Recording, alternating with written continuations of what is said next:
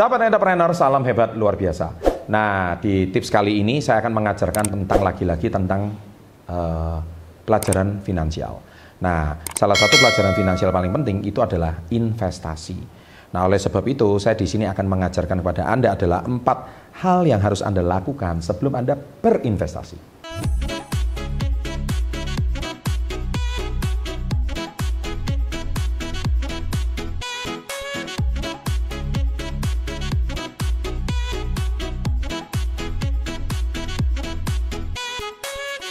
Sahabat entrepreneur, salam hebat luar biasa. Banyak sahabat SP30 bertanya sama saya, Pak Chandra itu sebenarnya menabung saham apa sih? Boleh nggak rekomendasi Pak Chandra itu menabung saham apa? Nah, sahabat entrepreneur, karena saya tidak pernah menjawab pertanyaan ini, tetapi saya akan menjawabnya langsung dengan seorang pakar finansial. Saya ulangi, pakar finansial, di mana beliau sudah qualified untuk membahas masalah keuangan dan saham bersama dengan Anda.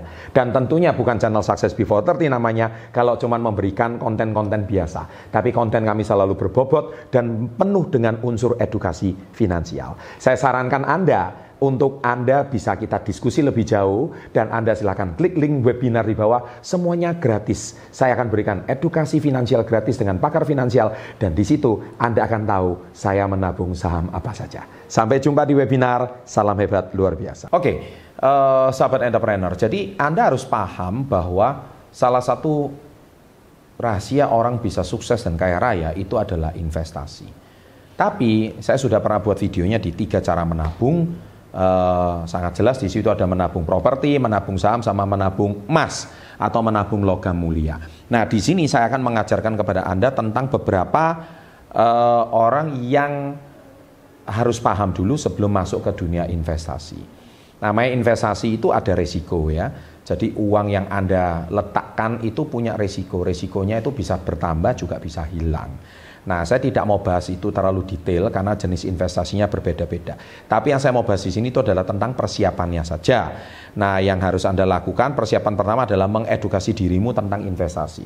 Jadi harus tahu dulu properti itu apa. Properti itu uh, sifatnya tanah, rumah, ya, bangunan, apartemen itu sifatnya tidak liquid, ya. Jadi kalau Anda taruh uang di sana itu bisa ditempati nggak bisa dijual, disewakan bisa, tapi juga uh, tidak liquid. Jadi kalau sewaktu-waktu Anda butuh uang itu tidak mudah dijual.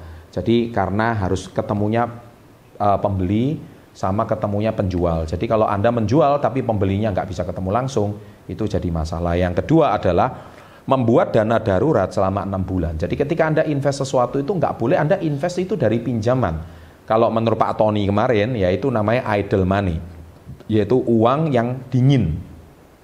Anda dilarang berinvestasi itu pakai gesek kartu kredit itu nggak boleh. Atau Anda investasi tapi kemudian Anda pinjam uang itu nggak boleh. Itu bukan namanya investasi.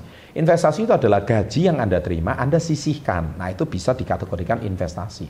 Sehingga uang itu memang sudah Anda alokasikan, sudah Anda anggarkan untuk emang tujuannya investasi. Jadi nggak boleh pakai uang yang mana pinjam kemudian, ayo ini nanti uh, Anda kasih tahu teman nanti anda dijanjikan imbalan satu bulan, satu satu bulan contohnya 10 persen, terus Anda pinjam dari orang lain dengan bunga 5 persen pinjam di koperasi, contohnya menggadaikan sepeda motor, itu sama sekali juga tidak boleh. Nah itu nanti bisa kena semprit sama OJK Anda, itu juga nggak boleh, itu namanya spekulasi bukan investasi. Ya, jadi investasi itu beda sama spekulasi. Nah yang ketiga adalah mengeliminasi hutang yang tidak sehat.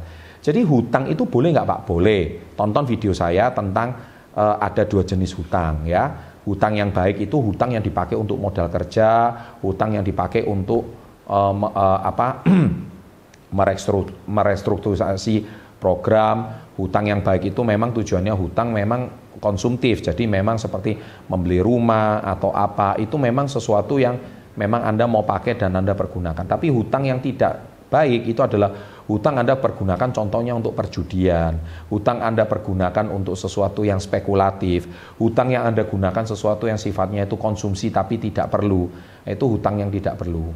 Hutang beli iPhone contohnya, nah itu kan menurut saya sangat tidak baik ya.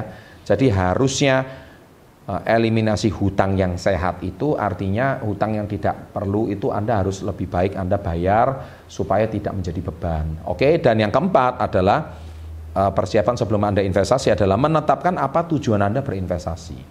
Kalau Anda nggak tahu tujuan Anda investasi, Anda nanti akan bermasalah. Contohnya investasi ini dijanjikan imbalan satu bulan 10%. Ada investasi lagi menjanjikan imbalan 30% per bulan. Itu sangat hati-hati. Itu menurut saya sangat berisiko.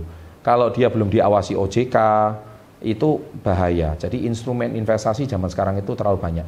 Nah untuk lebih jelasnya saya ada bahas itu di uh, videonya bersama Pak Tony berdua tentang uh, jadi Pak Tony sebagai salah satu narasumber tetap tentang dunia investasi ya di channel Success Before 30 supaya uh, kita itu jauh lebih cerdas. Jadi silakan Anda tonton video itu Anda untuk lebih paham apa itu dunia finansial. Dengan demikian kita akan semakin paham dan semakin jelas untuk berinvestasi ke depannya. Sekali lagi investasi bukan trader karena trader adalah profesi, investor itu adalah mindset. Itu yang selalu saya sampaikan. Demikian video kali ini saya buat. Jangan lupa like-nya supaya Anda punya persiapan yang baik ke depannya untuk masa depan Anda. Sukses selalu dan salam hebat luar biasa.